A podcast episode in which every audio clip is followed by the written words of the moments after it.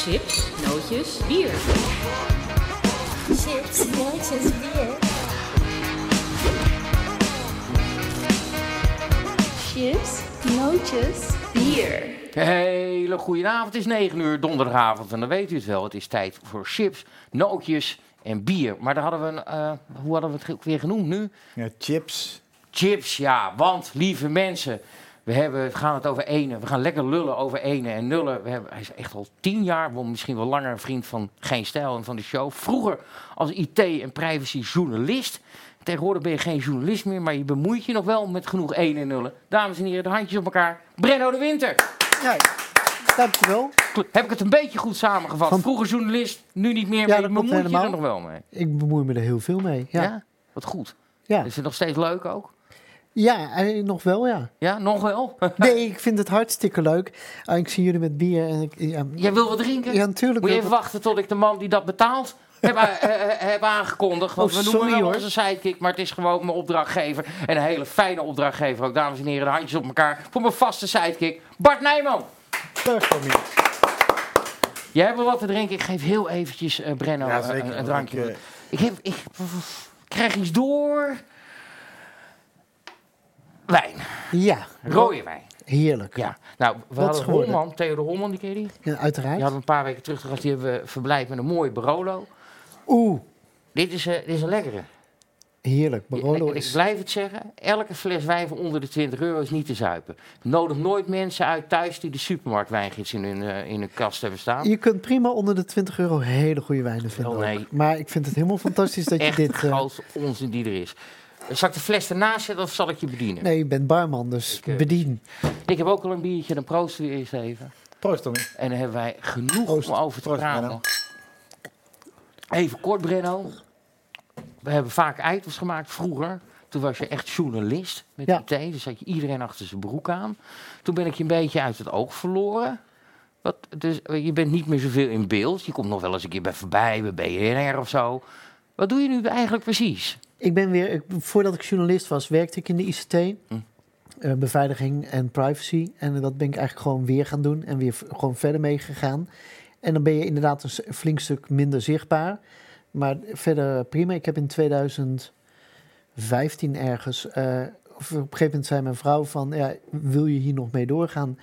En eigenlijk was het een beetje dat ik telkens in hetzelfde cirkeltje draaide. En ik was er wel klaar mee. Je was Het was goed. mee? Tijd voor iets nieuws? Ja, En ben je nou ja, happy? het- het- eh, wat oud en nieuws. En ik ben eigenlijk heel erg happy, ja. Ja, ja. Ja. Even iets minder aandacht, ook wel prettig denk ik. Kom je dan ook meer aan, aan het Nou ja, daadwerkelijke de inhoud. Dus eh, je, kijk, je hebt een publiek profiel, dat blijft. Ehm, dus dat betekent wel dat, dat je toch af en toe ook wat voorzichtiger bent. Maar ik ben nu wel heel erg veel bezig met veel meer inhoud. In, in de zin van, nu help je organisaties ook gewoon echt te begrijpen wat hun problemen zijn. Dus, En ik doe veel, veel bijvoorbeeld eh, beveiligingsincidenten. Zoals een organisatie een probleem heeft om te zorgen dat ze weer up en running komen. Maar ook gewoon snappen waarom het is fout gegaan.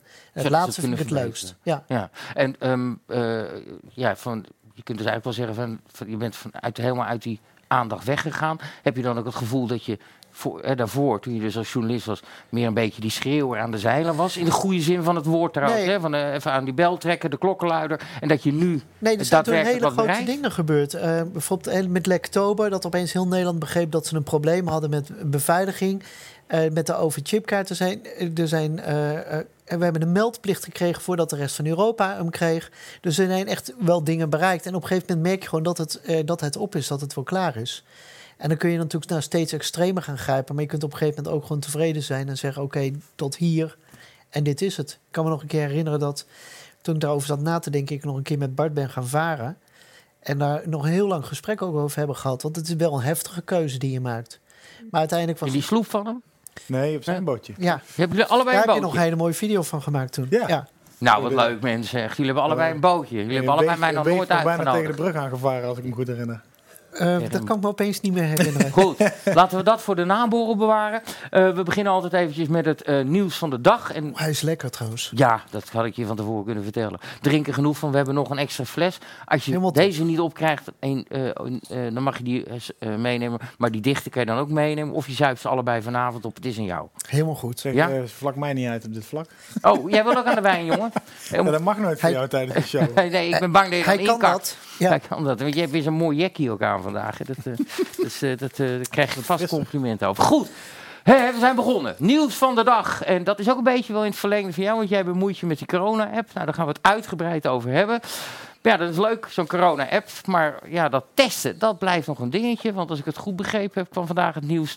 dat bijna alle testlocaties eigenlijk geen capaciteit meer hebben. Ja, de GGD's zijn overbezet. GGD in Nederland is onderverdeeld in ongeveer 26, als ik het goed zeg, eh, afdelingen die verspreid zijn over het hele land. En die zouden gaan opschalen in testen. Er was aangekondigd dat ze 30.000 mensen per dag konden gaan testen of zo. En nu blijken ze meer aanmeldingen te hebben dan ze kunnen verwerken. Eh, dat geldt niet voor alle GGD's, maar wel voor veel GGD's. En dus krijgen mensen die bijvoorbeeld in, ergens in de regio Amsterdam aanmelden, die moeten dan naar Woerden om een test te halen. Eh, Kom eens ook eens een keer buiten. Uh, ja, en daardoor bubbel. krijg je dus een, een backup in die te- ja, file in de teststraat, zo gezegd. En dat eh, betekent dat er niet voldoende mensen getest kunnen worden. En het betekent eigenlijk ook dat het, de testmogelijkheid in ieder geval heel populair is, dat mensen graag getest willen worden. Maar het probleem is dat er werkgevers zijn, of ook bijvoorbeeld scholen, eh, waar mensen eh, niet naar het werk mogen komen als ze niet getest zijn. En ja, die moeten getest worden, kunnen niet getest worden, kunnen vervolgens niet naar hun werk. En er komen nu ook berichten over scholen die hun eigen test beginnen in te kopen, die dan weer 150 euro per persoon kosten of zoiets. Omdat ze bang zijn dat als er ook maar één leraar met de sniffels rondloopt, dat dan die hele school weer dicht moet. En dat er dan dus een klas met 30 leerlingen, eh 60 ouders die weer thuis vastzitten met kinderen die niet naar school kunnen, et cetera. En dat dan die hele kermis van voor de zomervakantie weer van vooraf aan begint.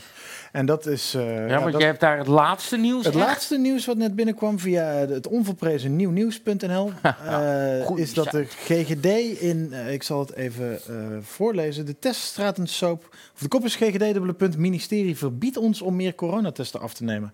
Dat is een beetje een vreemd verhaal, maar dat is Rianne van den Berg, directeur van de GGD IJsselland. Die beweert dat ze in staat zijn om op te schalen, maar dat het ministerie van VWS, dus het ministerie van Hugo de Jonge, hen dit verbiedt. Wij mogen minder testen uitvoeren dan we zouden willen, zegt ze tegen RTV Oost. Ook een woordvoerder van de landelijke GGD bevestigt dit verhaal. Volgens haar moesten de GGD'ers stoppen met opschalen wegens de overbelasting in de testdrive-in. Volgens haar moet het ministerie alles in het werk stellen om het laboratoriumcapaciteit te matchen met de enorm toegenomen vraag naar tests. Maar dan- dat, dat is toch ook het dingetje. Er zijn wel zat tests, alleen niet genoeg mensen, niet, genoeg Ja, ruimte het om het afnemen van een test is een stokje in de neus en dat in een buisje doen en dat opsturen. Maar dan moet in een laboratorium weer naar gekeken worden. En daar ligt het, eh, ja, ligt het op Daar is dus file. Maar ik had Ja. toch pas gehoord dat er extra capaciteit in die laboratoria gaat komen. En dat Ik, ik denk dat de clue een beetje een gaat komen is dan, dus dat hij er nu nog niet is. er worden Nee. Maar nu wordt er dus kennelijk vanuit de GGD's weer beweerd dat, de, dat het ministerie verbiedt om meer te testen. Omdat er dus, dus niet genoeg verwerkingscapaciteit is kennelijk. Maar al met al eh Het is een leidde het, het leidde ertoe dat op dit moment of vandaag de hashtag op Twitter eh, Hugo de Jonge kan niks trending werd. En eh, ja, dat is voor Hugo de Jonge vast niet zo leuk om te lezen. Maar Ja, maar het is, Mensen ja, zijn het hij een krijgt wel klap na klap. Het wil ja, maar niet zit, daar, lukken. zit, daar zit wat onder dat eh, mensen eh, ja, het gewoon een beetje zat zijn dat van alles wordt toegezegd of dat er van alles geregeld moet worden en dat dat niet gebeurt. En als je dat dan ook een beetje afzet tegen het naweeën van de bruiloft van Ferdinand Grapperhaus van vorige week, of de foto's van de bruiloft, en dat hij niet op hoefde te stappen daarover, ja, dan je proeft, eh, je proeft frustratie bij mensen die de willekeur van de regels niet zo goed snappen, die de regels niet zo goed begrijpen, die eh, niet geholpen kunnen worden als ze geholpen willen worden, en et cetera. En zo is het dus al met al best wel een beetje een rommeltje in coronabeleidsland. Ja, en ik vraag me ook of eh, kloppen dan ook wel natuurlijk de cijfertjes die eruit komen. Ah, hè? Meer, de- ja, de- meer testen leidt natuurlijk tot constatering van meer gevallen. En dat is op zich is dat, eh, niet per se problematisch. Maar er is een zogenaamd blauw lijntje. De beginstellezer weet wel wat we bedoelen. Eh, er is een blauwe lijn. Als die een beetje stabiel blijft, dan, is het, dan kunnen er dus wel meer gevallen geconstateerd worden. Maar is er niet echt iets aan de hand. Maar die lijn begint nu een beetje die begint omhoog te buigen. Eh, dus dat kan duiden op eh, dat niet alleen eh, dat meer testen niet automatisch ook logischerwijs tot meer ontdekte gevallen leidt, maar ook dat dat tot meer eh, dat er een tweede golf aan zit te komen, zeg maar. Ik ben het nu heel erg aan het versimpelen, maar dat komt omdat ik het zelf allemaal heel ingewikkeld vind. En voor statistiek moet je niet bij mij zijn. Oké, bij jou het wel? niet. nee, de, van, ja, ik ben geen viroloog en ik ga ook niet claimen dat ik dat ben. Dat Maar, je niet doen. maar nee, ik hoop het niet, die tweede golf. Het zou, ik vond het behoorlijk... Ja, vond je het heftig? Was je bang? nou ja, ik vind... Nee, ik ben prima doorgekomen op zich. Maar ik wil niet nog een keer, eh, zeg maar meer dan een maand... echt alleen maar vanuit huis werken. En ja, ik vond dat... En die lege straten en zo. Ik vond dat heel naar. Ik denk Ja. dan heel zo- zo'n IT-man als jij, je bent niet anders gewend dan eh, achter de computer Ja, ik kom zitten. toch nog wel eens buiten. ja, En- toch. Ja, en nog wel eens de kroeg in ook. eh, dat vind ik goed. Ja, dat lukt. Ja, Ja. ja. Hey, maar eh, jij, je bent natuurlijk ook enigszins ach- op de achtergrond wel bij, min of meer bij betrokken. Niet zozeer bij het testen, maar bij het bouwen van een corona-app. Daar gaan we het ook uitgebreid over hebben. Maar als je dit dan zo leest, heb je dan niet al gelijk het gevoel, ja, is leuk dat wij een app aan het maken zijn. Maar als er niet getest kan worden, heeft die app dan zin? Ja, ja, nee, dat heb ik niet. Want eh, die capaciteit gaat er gewoon komen. En eh, daar, er wordt wel degelijk heel hard aan gewerkt. Dus ja, dat dat niet helemaal matcht. eh, Ik, ik weet niet hoe dat komt, maar het verbaast me niet. Want het is, dit zijn zulke idiote aantallen en zulke idiote hoeveelheden. Voordat je dat goed op de rit hebt, dat is gewoon best ingewikkeld. En het moet ook, dat, je wilt ook nog dat zo'n test aan het eind van de rit natuurlijk een beetje klopt. Ja, dat zou Ik hoop alleen dat die app straks leidt tot eh, een klein piekje van hè, mensen die extra Mhm. testen. En daarna natuurlijk dat je juist ook een invloed op die R0 ziet. We weten het uit modellen dat dat zo is. Dat die invloed eh, er is van zo'n app. Maar ja, nu moet het in de praktijk nog gaan blijken. Oké. ja. Bart, nog heel even over Hugo de Jonge. Ehm, het begint bij mij, eh, d- ik begin zelfs een beetje medelijden te krijgen nu met hem. Ik heb een beetje het, gevo- het is een grote bende, maar is hem dat allemaal te verwijten? Ja, Of heeft hij grote, lastig. grote schoenen Nou, aangetrokken? Oh god, de, de wedstrijd, slechtste grap van de, van de avond eh, is weer van start gegaan. En ik sta ingezet, 1-0 voor. Eh, ja, ja, hij is natuurlijk gewoon politiek verantwoordelijk. En eh, eh, dat betekent dat hij de, de verantwoordelijkheid hiervoor draagt. En niet als persoon, maar als minister. Eh, en hij heeft al een aantal ja, toch wel blunders op zijn naam. Het verpleeghuis over het hoofd gezien, waar extra veel gevallen waren die eh, in mortuaria veranderden, om het maar een beetje grimmig te zeggen. Eh, eh, een hoop beloven en toezeggen en daar veel te laat en veel te langzaam achter komen. Eh, de, bouwen van die app, waar we het nog over gaan hebben, zo meteen begon met een in wezen nobel idee om een appathon te doen die live gestreamd werd, live werd uitgezonden, maar die inhoudelijk een totaal fiasco bleek te zijn, die echt eh, tot een hoop eh, ellende leidde en tot eh, grijnzende gezichten bij de VVD, want die dachten in ons coronabeleid krijgt het CDA hier mooi de schuld van. En ja, wat de man zelf betreft, ik persoonlijk heb niet zo heel veel vertrouwen in zijn competentie. Het is een, eh, ja, het, het zijn mooie schoenen, maar er zit niet zoveel in. Nee. Er zit, het, is een, het is een vetkuif met een, eh, een geblondeerde vetkuif met een, met een vlotte babbel. Die in hele lange zinnen de Kamer eh, debat na debat goed te slaap weet te sussen. Tot momenten dat zelfs de voorzitter zegt van... Meneer de Jonge, kunt u misschien een beetje naar een afronding gaan babbelen. Maar ik heb het idee dat hij... eh, het praatje is goed, maar het smoesje deugt niet. Of, eh, Ja, het je te goed, het verhaaltje klopt niet of zo. Of andersom, Ja, het verhaaltje en ik goed denk met- dus, ik, met medelijden heeft dat bij mij weinig te maken. Ik had meer medelijden met Martin van Rijn, die in het begin eh, de zorgminister, die voor Hugo de Jonge, die zo overdonderd werd door de hele situatie, dat hij echt spontaan bij neerviel. Nee, zeg niet. Vrijn, de Vrijn, eh, die heeft... Bruno Bruins bedoel Bruno? Bruins Bruins, bedoel ja, ik, die, sorry, die Bruno Bruins. En daar werd Hugo de Jonge de opvolger van. Maar met Bruno Bruins had ik iets meer te doen. En Hugo de Ik Jonge, vraag ja, Hugo de- ik vind bij Hugo de Jonge, wat me ook stoort bij hem bijvoorbeeld, is natuurlijk, er moest een lijsttrekker gekozen worden bij het CDA, want er komen verkiezingen aan. En Hugo de Jonge was de beoogd lijsttrekker, maar als je dan midden in zo'n pandemie, waar je zelf de ene fout na de andere non-delivery doet, ook nog eerst bezig gaat zijn met kies Hugo, stem Hugo met een uitroepteken achter je naam. Dan, eh, ja, dan denk ik van, sorry vriend, maar wat zijn jouw prioriteiten? Willen wij eerst door die pandemie heen komen? De ene minister staat eh, knuffelend op zijn huwelijk. De andere minister is bezig om lijsttrekker te worden in een toch een beetje rommelig verlopen race. Ja, ja, ik snap wel dat mensen op een gegeven moment gaan hashtaggen van, ja, wat kan die vent wel? Geef hem Ja. nog een beetje, want hij wordt wel heel verzuurd zo, hè? Dat... Vind je? Vind je, Ja. Brenno? Vertel eens, waarom vind je hem verzuurd? Zo, ik Nou vermaak ja, me prima met, het, met, het, Nee. eh, met de neergang van Hugo de Jonge, hoor. Maar Nou ja, omdat, weet je, er is... ehm, ik vraag me af of je dit überhaupt goed kunt doen. nee, ja, Wij, ons land was gewoon niet voorbereid op, op zoiets. Weet je, al, elke andere eh, pandemie ging aan ons voorbij. zelfs Wereldoorlog 1. Ja, de Barolo, hij is hier. Hè. nee, eh, praat Maar, lekker eh, met elkaar. Maar hij, eh, weet je, dat ging allemaal aan ons voorbij. Dus we hebben gewoon nul ervaring. En we hebben gewoon een hele idiote leercurve doorgemaakt als land. Want wij zijn, wij, bijvoorbeeld, als een vriend van mij woont in Canada. Ja, daar hadden ze eh, de eerste SARS-virus ook gehad. Ja, die waren meteen wakker. En Canada heeft dus ook een van de, eh, per 100.000 eh, inwoners, een van de laagste aantallen doden. Omdat die veel sneller bovenop zijn gesprongen. Die dachten van, oei, daar gaan we weer. We- En wij hebben dat gewoon de eerste keer helemaal niet doorgehad, joh. Wij zijn andersom, hebben we natuurlijk met het met het influenza-virus, met, die, met die griepprikken van tien jaar terug, waren we weer veel te snel, kochten we veel te veel in, toen gebeurde er niks. Was het, wel, het is Misschien allemaal was niet er zo nu heel iets meer terughoudendheid. Maar wat ik, wat je, weer punt van kritiek. Waarom lukt het Siewert van Linden en een paar bedrijven wel om samen eh, honderdduizenden miljoenen mondkapjes in te vliegen? En Ja. krijgt, krijgt de regering het niet voor elkaar omdat ze allerlei EU-protocollen moeten volgen? Slash Dan- me doesn't know, ja. ja, dan, ja, maar dan denk ik. Wat zeg je nou? Slash me doesn't know. Oké, nee, nee. Nee, maar ik bedoel dan, eh, eh, dat, Ja. eens, ik ben het met je eens, dat we werden natuurlijk hierdoor overvallen. En eh, er zijn ook al eh, terugblikken te lezen, reconstructies te lezen, die zeggen van, nou ja, we hadden wel echt iets eerder voorbereid kunnen zijn op bepaalde, iets, iets beter kunnen voorbereiden in praktische zin. En dat deden we te laat, of dat deden ze te laat. En eh, eh, daar moet je volgens mij mild over zijn, want de meeste mensen zaten in een denial. Ik zelf in ieder geval ook. Ja, ja, ik maakte er Maar op het over. moment dat er wel iets aan de hand is, dan zitten de Ik heb nog bijna erover- verbijsterd zitten kijken toen Wuhan dicht ging van, nou, wat een onzin. Ja, Ja? wij, zaten, Ja? wij zaten ook op geen stel. Was Spartacus Ja, die ja. was er heel vroeg bij. Die zat iedere dag een round-up te maken van wat daar gebeurde. En, en eh, niet de hele redactie, maar in ieder geval ik zelf wel zat van, joh, boeien. Ja, Ja. ja. het wel weer over. Nou nee, het waaide dus mooi deze kant op. Ja, Ja, en hij, hij zei van het begin af aan al van, nou, eh, bereid je maar voor, it's coming. Maar goed, jij hebt eigenlijk natuurlijk met, die, eh, met bemoeien met die corona-app. Heb je, heb je daar ook met, met Hugo de Jonge samengewerkt, rechtstreeks? Nee, eh, ik heb hem twee keer, eh, eh, twee keer ontmoet. En wat vond je van hem? Vond je de, vind je dat hij echt niks kan? Of? Nou, die indruk had ik niet, maar ik kan ook niet zeggen van, ik heb daar gewoon geen indruk Nee, van. nee, dat is, Dat is een gewoon, beetje makkelijk. ehm, maar Weet je, dat, dat zijn hele korte momenten. En ik ben gewoon bezig geweest met de, de mensen om me heen die gewoon zeg maar, het uitvoerende werk doen.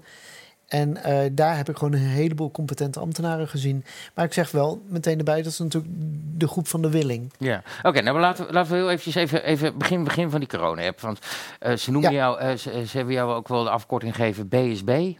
Ja, Ja, zeg hem zelf nou ja, even goed. uit. eh, ja, Brenno Schrikbewind, maar goed. Ja, dat, eh, dat noemen ze bij de overheid, nou, noemen ze jou zo. Precies, en Bart heeft ook altijd medelijden met Barbara en zo. Als het, eh, want ja, ik ben natuurlijk verschrikkelijk. Wie is Nee, Barbara? Oké, mijn vrouw. sorry. Dat Maar is, eh, nee, even zonder gekheid. eh, de jongen heeft gezegd, eh, de privacy is gewaarborgd. Mhm. Eh, en dat heeft hij niet één keer gezegd, dat heeft hij heel erg vaak gezegd. Eh, als je binnenkomt op het dossier eh, beveiliging en privacy, kunnen we lang en kort gaan lullen. Nummer één staat privacy. En als er dus conflicterende belangen zijn, ja, dan gaat er eentje voor. En dat is de privacy. Laten En dat betekent, ja, maar dat betekent dat, er dus, dat je soms tegen mensen aanbodst die bijvoorbeeld een cookie op een website plaatsen. Als ons verhaal is, wij gaan mensen niet tracken en tracen, dan gaan we geen cookies doen. Oké, eens. Ik Dat wil heel eventjes, heel Ja, eventjes sorry. bij het begin.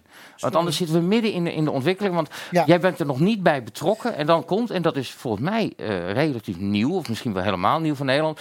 In de openbaarheid een soort bid. Een soort, eh, er zijn zeven bedrijven die hebben aangeboden: wij kunnen die app maken. We hebben hier een. Er zat nog een preview. voor. Er zit nog een vraagstukje voor. Leg het Er, maar. er waren een heleboel. Er is een soort eh, marktverkenning gedaan van wie kan er een, een corona-achtige eh, tracking, tracing, eh, eh, waarschuwingsapp Ja. bieden.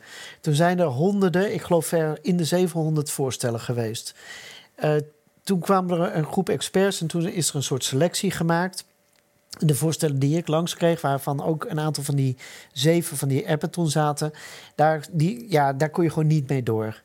Oké, maar er werden er zeven uitgekozen. Ja. Die gaan een appeton in, zoals je dat Ja. Was jij op dat moment er al bij betrokken? Toen was ik er eigenlijk alweer uitgestapt. Want Oh, toen die wat- lijst naar buiten kwam, waren er een aantal waar gewoon met een groep experts. En dan bedoel ik echt van GGD, RVM, eh, beveiligingsexperts, eh, nou goed, van alles. En we, hadden, gewoon- we waren vrij unaniem van nou, met deze bedrijf zou ik niet doorgaan. Ehm, en toch, toen kwam toch die lijst. Toen had ik zoiets van, ja, weet je, je vraagt experts. Daar luister je dan niet naar en je gaat ze toch uitnodigen op een appathon. Dus ik heb wel zitten, eh, zitten kijken. was een fantastisch weekend, maar ik heb er toen niet meer mee... En twee dagen was er voor jou van alles en nog wat op je beeldscherm. Dat was hartstikke interessant. Fantastisch. Op Ja. bed liggen, laptop op schoot en gewoon met de katten erbij. En, En, precies, eh, ja. precies. En dan gewoon het grillen van bedrijven.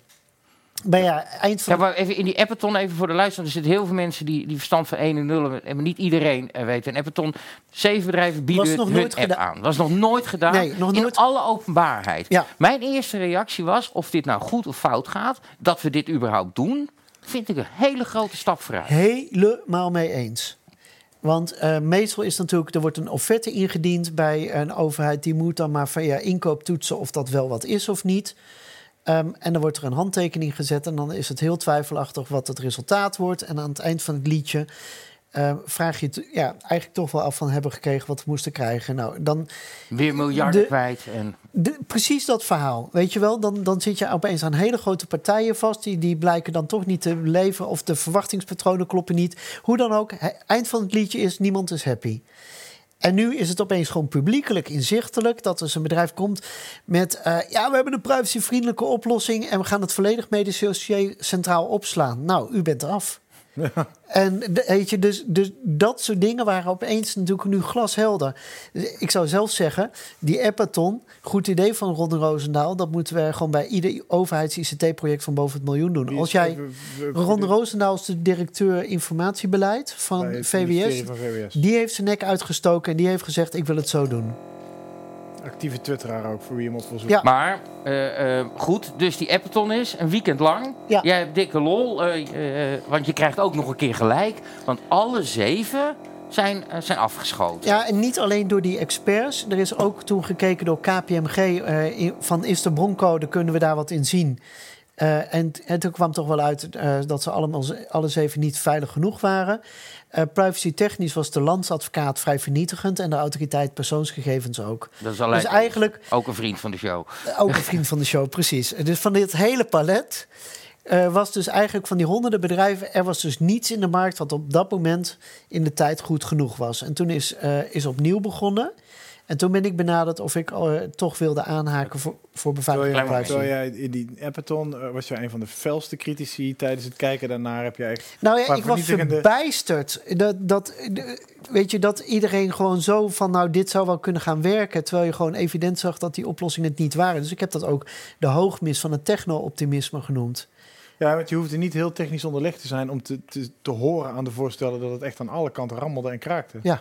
Maar Bart, even kijken, als je nu kijkt, eh, eh, wat ik net met, met, met Brenno bespreek, zo'n Appeton komt er uit alle zeven mislukken, zijn niet goed genoeg. Dan kunnen we lacherig doen, we kunnen zeggen, hè, Nou ja. wat slecht, wat dom. Maar feitelijk is dit toch eigenlijk wel heel goed dat dit Ja, gebeurt. Dus methode- Liever dit dan met een van die Mongolen zit het niet werkt. Het raamwerk, zeg maar, waarbinnen Mhm. ze dit, eh, deze aanbesteding gedaan hebben, dat is fantastisch. Dat ze dat live in beeld brachten en dat iedereen dat thuis mee kon kijken. En dat dat dan ook juist, zeker omdat het in dit geval om een heel technisch onderwerp ging, dat trekt natuurlijk een hele specifieke crowd, IT-crowd, die daarna gaat zitten kijken. En dan heb je gewoon levende feedback van eh, experts die, die het misschien ook niet altijd met elkaar eens zijn, maar in ieder geval waardevolle feedback kunnen geven. En dat, dat aspect van die Appeton was te gek.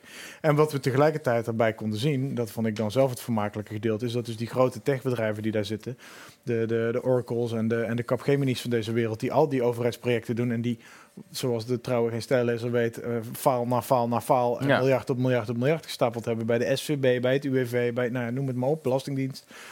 Eh, dat die bedrijven nu ineens, als je ze live op zo'n Zoom-sessie ziet, denk van oké, welke prutser is dit nou weer?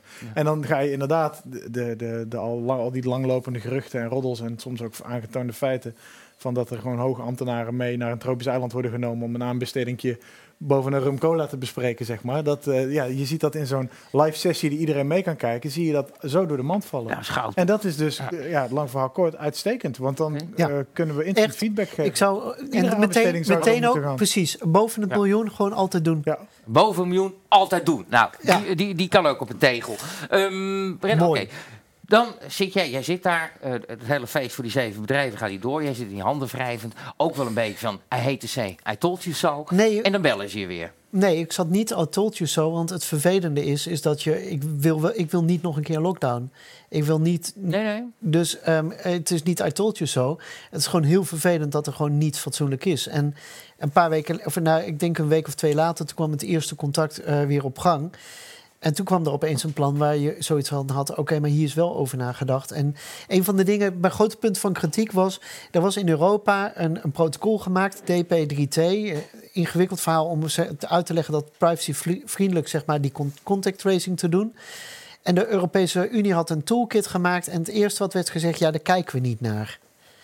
En nu opeens was het verhaal van ja, maar daar kijken we wel naar en daar gaan we aan bijdragen. En inmiddels trouwens is Nederland ook wel vrij leidend daarin. Zelfs al zijn we nog niet eens live met onze app. Dus die, die hele ommezwaai was gemaakt en dan wordt het een ander verhaal. En toen kwam dus, dus privacy op één. Nou, tweede, de grote ding werd security. En er wordt gevraagd, wil jij daar eh, heel erg hard aan gaan meewerken? Ja, dat is een totaal andere vraag dan de keer daarvoor. Ja. Van we vragen je advies en we luisteren niet. Dus voor mij was het opeens iets nieuws. Oké, goed. Ehm, we gaan er eh, uiteraard verder over praten. Ik was afgelopen dinsdag in de Tweede Kamer. Ben ik meestal op dinsdag. Ja, Ik, eh, heb even, ik zoek dan dan een politicus op wiens portefeuille dit is. Die, eh, eh, eh, eh, dit keer iemand van de SP, Maarten Heink. Voor mij een relatief nieuwe jongen, maar die zit op digitaal eh, zeg maar bij de SP. Slimme jongen lijkt me. We hebben twee Ja. clipjes van hem. Even de eerste, eh, daar zit een vraag in voor jou. Kijk even mee naar het scherm. Instartje 1 alsjeblieft. Corona-app. Is het nou een goed idee of een slecht idee? Ja, dan weten we dus eigenlijk niet of dat een goed of een slecht idee is. Brenno zal zeggen het is een heel goed idee, want hij heeft er heel hard aan eh, gewerkt. Maar ja, we weten dat eigenlijk niet. Dus we moeten het gewoon afwachten. Ik heb in de Kamer vorige week gezegd het is een experiment. En volgens mij moeten we dat ook zo zien. Oké, dus een experiment. Eh, waar hangt het dan vanaf of het goed of een slecht eh, idee is? Ja, je weet niet of mensen, als ze een melding krijgen, of dat ook een valse melding is of een, een echte melding. Dat ze ook daadwerkelijk bij iemand in de buurt zijn geweest die het virus heeft. Dus als straks gebeurt dat er heel veel mensen een melding krijgen die eigenlijk niet bij iemand in de buurt zijn geweest die besmet is, ja, dan gaat die app niet werken. Oké, en denk je dat, dat, dat, dat, dat, dat, dat ze dat kunnen opknappen in die app? Zeg maar, want hij is er nog steeds niet. Nee, maar goed, eh, daar kom je alleen in de praktijk achter. Eh, er is nu een test gedaan. Er waren 412 mensen die hebben een melding gehad. Eh nou, we weten nog niet wat er van die mensen eh, daadwerkelijk ook besmet is geweest. Dus ja, dat moeten we dan maar... Ja, misschien... Nou, ik moet een vraag stellen aan Brenno. Laten we die vraag maar eens bij Bre- Brenno neerleggen. Ja. Weet hij inmiddels al meer over de effectiviteit van de app? Daar zou ik wel benieuwd naar zijn.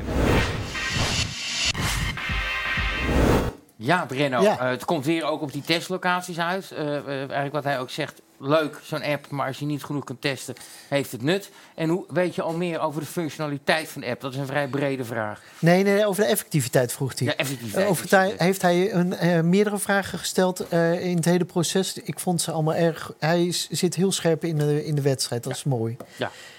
Ehm, effectiviteit is een hele lastige. Want dat kun je pas als je lange test. kun je zeker weten of het werkt. We hebben een aantal eh, wetenschappelijke studies. die maken duidelijk dat er een invloed is op die eh, reproductiewaarde van het virus. Dus we weten bijvoorbeeld van de Isle of Wight. dat ehm, zo'n app een enorme invloed kan hebben. Ehm, of dat hier dus heeft gewerkt nu in deze test, dat weet je nog niet. Daar wordt wel wetenschappelijk onderzoek nu naar gedaan. Maar het, het lastige eh, is, ehm, heel bron- en contactonderzoek is een grote onbekende. Hè? Ehm, als je, stel e- even, ik loop even het proces door. Hè? Als jij eh, positief wordt getest, dan krijg je een heel langdurig gesprek. Met wie ben je in contact geweest? Waar ben je de laatste twee weken geweest? Wat heb je gedaan? Nou, dan zeg je bijvoorbeeld, ik ben naar dat en dat restaurant geweest. Nou, daar wordt dus nu, zeg maar, daar liggen dan schriftjes of eh, briefjes. Maar in ieder geval, dan worden al die mensen opeens gebeld. Ehm, van, hey, u was dan en dan in het restaurant en iemand heeft positief getest op corona. Wilt u eh, binnenblijven, wilt u een test doen? Dan krijg je dus dat soort vragen. Dus dat is heel erg onnauwkeurig. En die app die kijkt of jij gedurende langere tijd binnen een redelijke afstand van iemand bent geweest. Dus daar zit ook een onnauwkeurigheid in. Maar eh, het is niet gezegd dat dat onnauwkeuriger is dan eh, zeg maar zo'n hele lijst van een hele avond van een restaurant. Even een, vraag, een korte vraag tussendoor. Eigenlijk zeg je ook wel dat eh, dat bellen is veel intensiever qua werk. Dit zou het ook minder intensief, arbeidsintensief maken. Nou, het beide gebeurt, dus dat, dat lost het nu nog niet op. Er wordt wel gekeken of je dat ook kunt, beter kunt automatiseren. Want en nu opeens vragen, bij wie heeft u gezeten? Ja, ik was, ik was met Tom Staal. En wat is zijn nummer? Oh, moet ik even zoeken? En dan wordt dat nummer doorgegeven, dan moet het nummer kloppen. Eh, dat, dat kan natuurlijk ook nog een stuk efficiënter. Dus dat, dat kost gewoon heel veel tijd. En zo'n... Als jij dus zo'n melding krijgt en je hebt jezelf al gemeld, dan, dan gaat het tijd schelen. Maar stel nou even dat het virus nog veel heftiger wordt. En eh, we hebben ook al een situatie gehad waar bijvoorbeeld in Amsterdam werd gezegd: wij kunnen geen bron- en contactonderzoek meer doen, hè, want er zijn gewoon te veel gevallen. Ehm, dan, val je, dan val je dus naar niets terug. En bij een app heb je dan nog wel iets. Dus het is heel lastig te zeggen hoe effectief gaat dat ding zijn. En eh, die, die Universiteit van Oxford heeft een aantal modellen gemaakt. Dat, daar bl- blijkt wel uit dat het zou werken. Maar zit alles in die modellen? Dus we kunnen het pas zeggen als dat wetenschappelijk onderzoek wat nu bezig is, er is. Het vervelende is, bij alle andere pandemieën hadden we niet zo'n tool. Daar hadden we niets. Moeten we het zien als een, een extra hulpmiddel? Ja, het is, de Baat het niet, dan schaadt het niet. Is dat ook een beetje? eh, het is wel iets meer dan baat het niet, dan schaadt het niet. Maar eh, de gedachte is wel dat. Ja, want ja, vroeger hadden we niet zoiets. Eh, je zult het een keer moeten gaan proberen om te zeker te weten dat het wel of niet een grote invloed Dat heeft. zegt Maarten ook. Hè? Ik moet Ja. het zien als een test. Ja. Want we gaan wellicht in de toekomst vaak Ja, maar dit, we, doen iets, we doen iets wat volledig onbekend is. En ehm, ja, Oh, eh, ja. Nee, ik lach niemand uit. Dat- Nee, nee, Nee, nee, maar- jij, nee, nee, maar- was zo stil, dus ik dacht even kijken hoe het met je gaat. ja.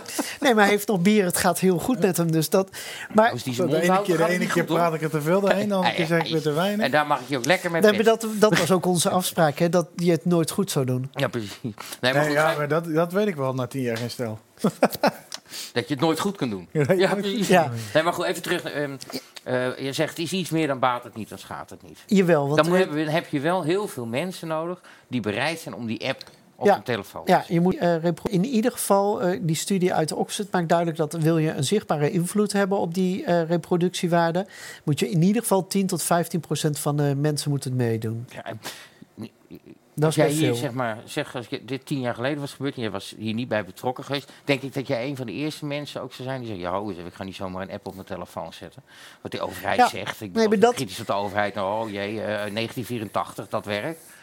Klopt. Ja. Klopt, nee, dat had ik ook eerder niet gezegd. En daarom is het ook heel belangrijk dat dit in alle openheid is gebeurd. Ja, dat nee, mensen kunnen hoor. zien wat er gebouwd is. Dat we eh, onderzoeken. Er komen nog een paar rapporten uit die van beveiligingsbedrijven, waar ik er verschillende van heb, juist gevraagd om te checken. Zodat je niet kunt zeggen: ja, dat is Brenno plus één vriendje, dus dan zit het wel eh, goed zogenaamd. Nee, we hebben verschillende beveiligingsbedrijven die concurrerend met elkaar zijn, hebben ingezet. Eh, we hebben ook onderzoeken laten doen naar achterdeurtjes. eh, alle codes tegen het licht gehouden. Als je die app op je telefoon la- eh, laat, dan kun je zelfs verifiëren dat de broncode die daar aan ten grondslag ligt, dat dat dezelfde is als wat op je telefoon komt. Daar hebben we er zelfs een notaris voor ingehuurd die dat elke keer checkt. Maar niet iedereen is in staat om dat zelf te verifiëren. Nee, en dat klopt. Maar je moet iets zoeken wat wel werkt. En eh, Maar- er is nog geen enkel voorbeeld waarbij je bij open source software eh, zegt van oké, dit is de broncode en dit is hetzelfde als wat je op je telefoon laat. Maar nou, nou eh, ik vertrouw jou. Want Ja. ik ken jou al langer. En, ik, en los daarvan weet ik ook gewoon dat jij altijd eh, ervoor zorgt dat, als, dat als het niet deugt, dan zul jij dat nooit verzwijgen. Ongeacht Nee. wie je voor je hebt. Dan zul je dat proberen te verbeteren. Dus jou vertrouw ik. Dus als jij zegt, eh, die app kun je veilig installeren, geloof ik je. Maar dan geloof ik nog steeds, vertrouw ik nog steeds de overheid niet per definitie. Nee, Geloof je, snap je, om het wat breder te trekken dan mijn eigen anekdotische... eh kun je je ook nog steeds verplaatsen in dat er heel veel mensen zijn Tuurlijk die kan ik me daar heel goed in dat kun je me allemaal wel vertellen en je kan me dit laten zien, een notaris is zus en notaris zo. En codes vergelijken, whatever, maar ik vertrouw het niet en het deugt niet, want ik geloof niet eens dat corona zo erg is, om, om maar wat te noemen. nee, goed. Kijk, daar kan ik niks aan veranderen. Mensen die, die gewoon zeg maar alles naar zich neerleggen, dan maakt het niet uit wat je zegt of doet, want dan heb je de wedstrijd toch al verloren. Hoe groot moet de dichtheid zijn om zo'n app betrouwbaar te maken? 15 procent, zei je toch net? Of, eh? Ja, 10 tot 15 Dus procent. dat is niet zo heel hoog eigenlijk. Nee, dus die, die modellen van Oxford laten zien dat het daar al een invloed begint te hebben. Ehm, bij 60% zeggen ze, en daar is ook veel over gezegd, dat je moet 60% hebben. Dan beweren die onderzoekers, dan hoef je geen andere maatregelen meer te nemen. Ehm, Ja, je Ja, ja. daar een beetje over? Of? ik Ja, twi- die 60% Nou lijkt ja, me onhaalbaar. Ja, dat- lijkt me ook. dat lijkt me precies, dat, dat lijkt me onhaalbaar. Daarnaast, het is niet het hebben van die app, maar je gedrag natuurlijk dan ook gaan aanpassen. Dus als je een melding krijgt, moet je niet vrolijk in de kroeg gaan staan hangen of bij opa en oma in, in het bejaardenhuis langs gaan. Ja, want dat is ook nog zoiets. Je krijgt die melding van je bent in de buurt geweest van iemand die eh, besmet is. En dan kun je nog steeds denken, ja, dat zal best, maar ik ga vanavond dan naar die afspraak. Want ik ga Absoluut. niet eh, dit feestje afzeggen of deze. Nee, maar alles is vrijwillig. En eh, alles is privacyvriendelijk. Dat betekent dat als je de melding wegdrukt en je besluit je dan eh, toch, zeg maar, eh, al hoestend en proestend eh, te gaan staan hossen, daar is niets wat wij daartegen kunnen doen. Nee, Dus dat het is taak niet. Nee. Nee. Precies. Maar we hebben wel al, eh, er is wel al het nieuwsbericht naar buiten gekomen dat er een hoge ambtenaar van VWS een mail gestuurd had naar maaltijdbezorgers en gezegd had, hey, eh, jullie gaan wel toch wel even die app installeren, hè? ja, dat, Op, een, op een toon die niet eh, echt forcerend was, maar wel minimaal toch wel Nou, dat is ook gewoon- dat is ook absoluut gewoon niet de bedoeling. Het is vrijwillig. Punt.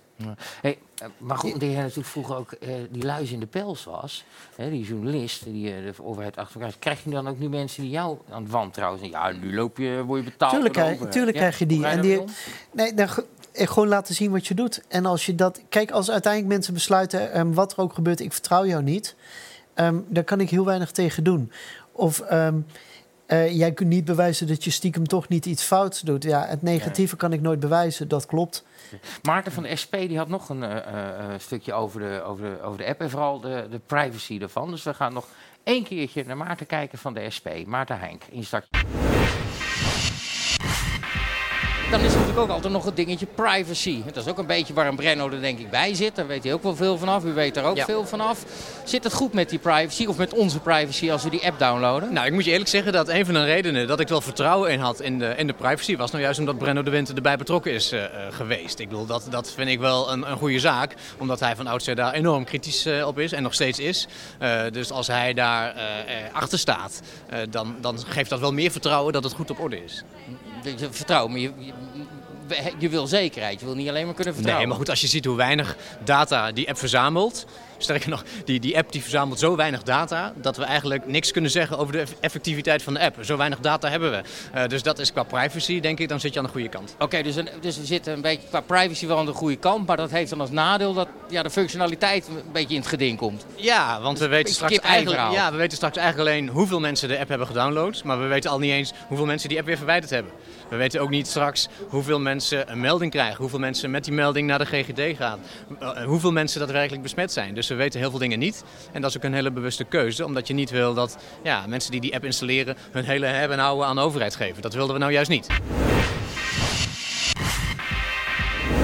Ja, Brenno, ehm, wat hij eigenlijk stelt is dat hoe meer je die privacy wil waarborgen, hoe, eh, hoe groter dat van invloed is op de Ja, functionaliteit. Je maakte net dat grapje van, eh, van eh, dat schrikbewind. Mhm. Ehm, kijk, een van de dingen die natuurlijk normaal in een app zit, is statistieken. Ja. Dus als zo'n melding komt. En, maar ja, dat ben ik meteen IT Phone Home gaan noemen. Op het moment dus dat, dat die app gaat communiceren met een centraal punt en dan statistieken gaat verzamelen, ja, dan is iets uiteindelijk herleidbaar. Juist voor het vertrouwen is dat heel slecht. Dus eh, uit die app ga je niks halen. Betekent niet dat je niet statistieken kunt krijgen. Als eh, bij die GGD'en wordt veel onderzoek gedaan. Daar komt op een gegeven moment iemand die meldt zich, ja, ik kreeg een melding in de app en daarom meld ik mij. Dat wordt wel degelijk geregistreerd. Hè? Dus in het persoonlijk Mhm. contact. Eh, daar wordt nu. Alleen niet via de app wordt dat geregistreerd. Juist. Oké. En dat is dus ook bij een andere partij waar we dan de universiteit, eh, ik geloof in ieder geval van Groningen, maar misschien zijn er meer bij betrokken, dat weet ik niet, mijn, niet mijn ding. Maar in ieder geval, er wordt wetenschappelijk onderzoek gedaan via de GGD's om dus die informatie wel te achterhalen. En dan is het dus niet bij het ministerie, maar dan wordt het dus langs een andere weg worden die statistieken gegenereerd. Maar hij heeft wel een punt, dat duurt dus langer en dat is ingewikkelder. Maar ja, privacy wel. is wel wat waard. Dus Ja, Maar we zien dus, eh, ik heb het net noemde ik die maaltijdbezorgers die dus werden aangespoord vanuit het ministerie om eh, aangespoord om die app te installeren. En ik krijg, terwijl net het clipje draaide, een sms'je binnen van Renier Kastelein, dat is de, de baas, de voorzitter van vakbond de Unie. Die zegt niet alleen eh maaltijdbezorgers hebben hem gehad, maar ook wij en andere vakbonden hebben deze mail gehad vanuit het ministerie of wij onze leden dat ding willen aanraden, die app willen aanraden. Ja. Dus er zijn dus meerdere, de overheid is dus toch, het ministerie is toch actief bezig geweest om mensen aan te sporen om iets te installeren waarvan ze naar buiten toe steeds Nou, er zijn wel, dat even twee dingen. Ehm, er is een partnerprogramma waarbij eh, inderdaad wordt gekeken van wie, wie wil zich daarachter scharen. Maar dat mag niet eindigen in druk. Dat is het grote eh, verschil. Je mag niet tegen bijvoorbeeld een werkgever. Maar- nee, maar heel even. Een werkgever die zegt ehm, van tegen zijn personeel. ehm, eh, ik raad deze app aan, dan is op dat moment natuurlijk de werkgeversrelatie geeft een bepaalde druk. Dat mag niet. En dat had ook niet mogen gebeuren, dus dat is gewoon niet goed. Maar het feit dat de overheid überhaupt vraagt, want dat noemen ze dan partnerschappen of partnerships, op zoek naar partnerschappen. Ik, ik begrijp die impuls of die, die wens. Maar is het ook niet zo dat als de overheid dat soort dingen gaat vragen, dat je al snel een beetje een soort van de morele druk voelt of de overheidsdruk of van oeh, nou ja, ik kan dit toch eigenlijk niet weigeren. En dat dat, dat, dat al meteen afbreuk doet aan de vrijwilligheid van zo'n app. De overheid zou hem alleen Nou, maar aan moeten bieden en ook eventueel aan moeten Nou, prijzen. ik denk dat het wel hier meer zat in, in hoe het is gevraagd. En eh, dat je gewoon veel actiever ook gewoon dat vrijwillige moet benadrukken. Dat is, weet je, er komt een wet voor.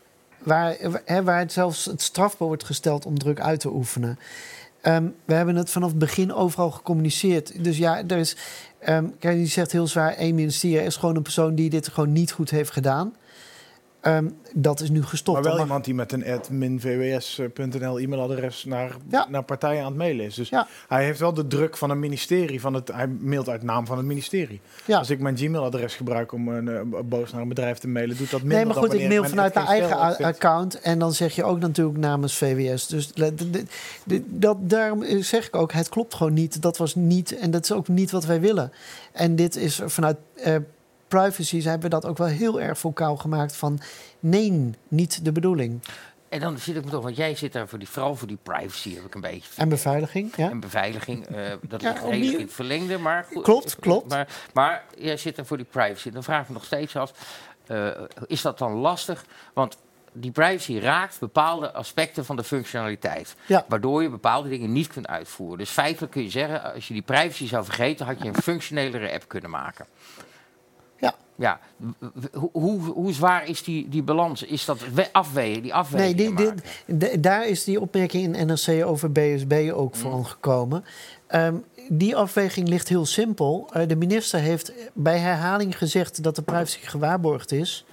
Dan gaan we dat regelen. En dat regelen ze via jou. Ja. En dat gaat dat met een telefoontje van joh Brenno. eh, Nou, uiteindelijk krijg je gewoon van ehm, we willen graag eens met je praten. En ehm, toen is er ook wel gezegd van, dat ik daar heel veel vrijheid in krijg. Dus ehm, vinden ze het niet vervelend dat je hier zit dan? er is me, eh, bij niets eh, een, een, stro een strobreed in de weg gelegd. Nee. Er is, er is één afspraak en dat is dat ik me niet politiek uit. Nou ja, goed, dat is toch niet heel erg mijn ding. Nee. Nou, dat is, maar dat is toch niet heel erg mijn ding. Bedankt voor uw stem op Hugo de Jonge. Ja, ja, ja. Ja, dat is trouwens, ja, inderdaad. Nee, ik, ik, ik, ik, ik, bescherm je nog even. Nou, dankjewel.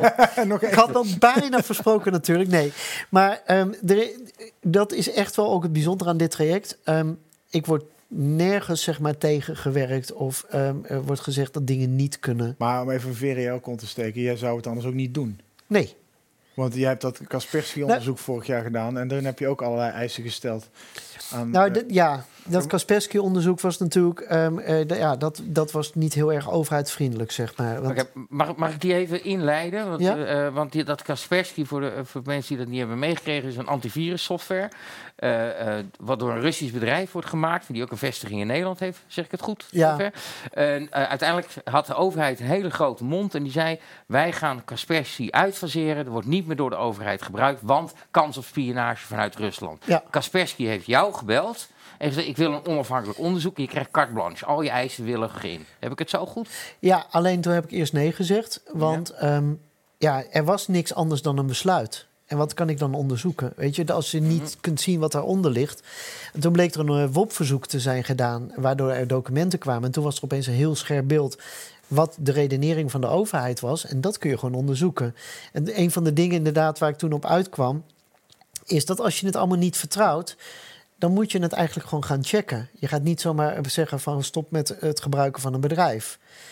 Ehm, dus je zou bijvoorbeeld in de broncode kunnen kijken wat Kaspersky ook aanbood. Ehm, en toen werd er eigenlijk gezegd, en dat, dat heb ik echt wel een aantal keer naar mijn hoofd gekregen, dat is ondoenlijk, dat kan niet. Nou, we hebben hier nu bij Coronamelder alle code laten checken. De backend, eh, de app zelf, alles is door bedrijven gecheckt. En er is dus gekeken, zitten er achterdeurtjes in, zijn er aanvalscenario's, dat soort zaken. Nou, die blijken er allemaal niet te zijn. Ehm, dus je kunt het wel degelijk. En het is, ehm, het is niet opeens financieel enorm uit de klauwen gelopen. Dus je kunt dit gewoon. En Dat heb jij eigenlijk een beetje bewerkstelligd. nou, we hebben gewoon. niet alleen het- jij, maar... Nee, maar we hebben het gewoon nu wel laten zien dat het gewoon kan. En je kunt ook heel fatsoenlijk, ja. We zijn inmiddels namelijk langzaam gaan van die corona, van die corona-app waar jij mee be- eh, bemoeit, naar die overheid en die ICT. Ja, Wat natuurlijk al jarenlang miljarden heeft gekost. Faal op faal op faal. En daar is, zie je toch ook wel weer dat zo'n Kaspersky ook wel weer een onderdeel is. Dat er maar wat geschreeuwd wordt, heb ik dan het gevoel. nou ja, of het wat geschreeuwd wordt, of de druk is uitgeoefend, of wat er ook gebeurd is, dat weet ik niet. Maar ehm, je ziet nu wel dat als je gewoon heel scherp bent, en eh, juist ook in zo'n open traject, en mensen op een gegeven moment ook gaan stijgen van wat jullie nu aan het doen zijn, dat klopt niet. En dan komt er opeens discussie over en dan pas je het allemaal wat aan. Dan zie je dus dat het opeens niet ontspoort. Want eh, het product is er. Eh, de backend is er. We hebben zelfs nog een paar hele grote tegenslagen gehad waar we best goed uit zijn gekomen. Eh, dat, dat kan allemaal, omdat je dus ook gewoon dat eh, proces hebt. Op een gegeven moment was de autoriteit persoonsgegevens heel kritisch. Nou, dan kun je gewoon op basis van de openbaar beschikbare gegevens zeggen van ja, maar het verhaal steekt wel iets anders in elkaar. En vroeger was het geweest, dan zou je in je schulp kruipen en dan, ja, weet je, dan, dan weet je het niet. En nu, Maar nu, het viel nu juist wel op dat de autoriteit persoonsgegevens zich behoorlijk stevig roerde hierin. Ja. Want die waren echt proactief heel erg verbaal, vocaal in hun oordeel. Ze waren heel kritisch over de, eerst over de Appeton, en niet onterecht. Daarna over, de, over, de, over de, überhaupt het maken van zo'n app en het belang van de privacy. Die wilden dat er eerst een wet zou komen voordat zo'n app überhaupt gebouwd wordt. En dan kom jij, grote privacyvoorvechter, en je zegt tegen de AP of tegen Aleid Wolfs van hou even dimmen jij. We hebben daar niet per se een app voor nodig. We kunnen dat ook, of een wet voor nodig. We kunnen die app ook bouwen zonder zo'n wet. ja, wij hadden daar echt heel goed naar gekeken.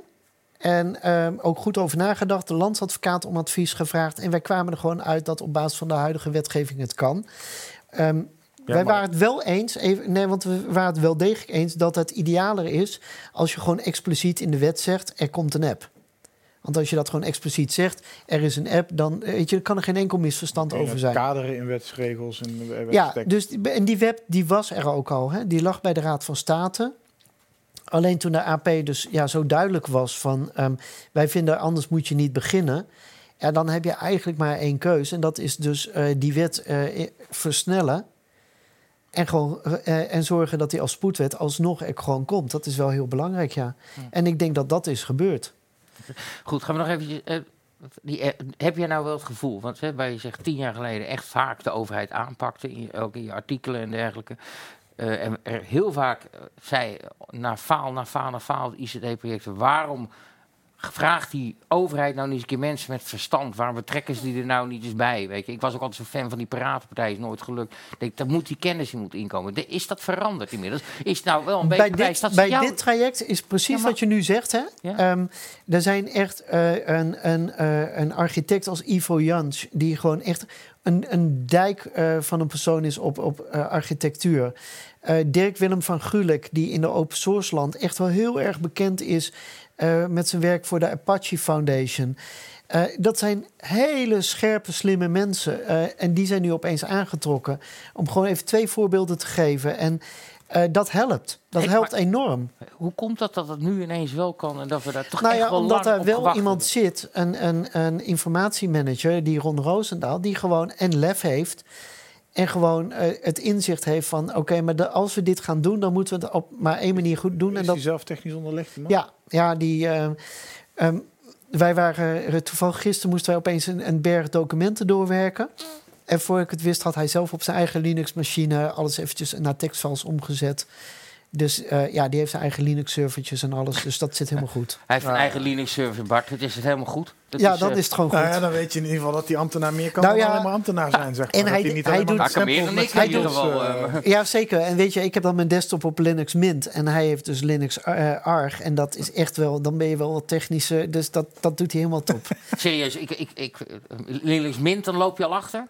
Wij lopen achter. We lopen achter. Ik had er nog nooit van gehoord. Ik heb sinds ik mijn eerste Mac kocht, ben ik al mijn kennis kwijtgeraakt. Al je, ja, nou. Ik bouwde vroeger maar, Maar- computers, maar ik, daar hoef ze ook niet meer aan. Ik kan een RAM-bankje aanwijzen, dat lukt me nog wel. Maar Ik heb nou altijd een beetje het gevoel geweest dat die, die privacy en dat internet, dat echt ontzettend belangrijk ding is. Voor de komende jaren ook. Hè. Ja. Kijkend naar Rusland, dan weet ik het allemaal, naar Amerika, maar ook weet je, klimaat, migratie eh, eh, eh, en, en, en, die, die, die privacy. Dat is echt een van de belangrijkste dingen. Maar het heeft één nadeel, die privacy. Ik heb het gevoel dat het werkelijk niemand ook maar ene kut interesseert. Nee, dat blijkt dus best anders te zijn. Ja? Maar ik vond dat wel interessant dat jij opeens riep Morse dood. Privacy is morgens dood. Ja? Ja, we hebben toch al onze data, al onze informatie, al onze locatiegegevens uitgeleverd aan het gemak. En ik zelf ook, hè. Dit is geen verwijt aan... eh, ik heb op een gegeven moment... Ik ben met mezelf op een gegeven moment gemerkt dat ik de strijd een beetje opgegeven heb. Ik denk van ja, ik kan wel blijven blokkeren waar mijn locatie is en blijven moeilijk. Maar ja, het is toch wel handig als Nee, maar thuisbezorgd weet waar Eens. zit. En Ja. Eens, maar ik denk juist dat, dat Europa met de stap naar de AVG wel echt een hele grote stap. Want ik denk dat namelijk de stroom tegenhouden niet lukt. Maar dat je het door te reguleren wel in orde krijgt. En kijk, we hadden het net over die autoriteit persoonsgegevens. Wat ik dan, wat dan wel vind is, ehm, of ik het er wel of niet mee eens ben, ben of wij, dat doet er niet zo toe. Eind van het liedje is dat die wet er wel is gekomen. En dat hebben zij bewerkstelligd. We hebben het over die AVG. Ja. Weet je wat die AVG voor een simpele eh nitwit als ik is? En stond vervelend vindt, als ik om de vijf seconden weer op eh, een cookie-melding moet klikken. Ja, en nu met de, met de meest recente aanpassing aan de AVG eh, zijn die cookie walls ook weer zodanig aangepast dat dus alle... De e-privacy-richtlijn is dat eigenlijk, hè? Oh, Ja, maar, ja, maar dat, Ja. dat ligt in elkaars verlengde. Ja, klopt. En dat, de- Klopt. dat op onze cookie wall en op alle cookie walls van alle websites moet nu een beschikbare lijst staan met alle aanbieders, third-party cookie aanbieders die er kunnen zijn. Dat betekent dus ook alle marketingbedrijven. En die lijst verandert om de havenklap. Dus die lijst wordt continu geüpdate. Maar iedere keer als die lijst is aangepast, moet je opnieuw accepteren. Dat betekent dat onze huidige cookie wall, die we nu een klein maandje hebben draaien op geen stel, en die alle sites nu verplicht moeten gebruiken, om de twee, drie dagen zie je, die, zie je dat ding weer ja, weet je op al je apparaten. Weet je wat maar dan- wat is daar wat nou ik- de toegevoegde daar word je waarde knettergek van, joh.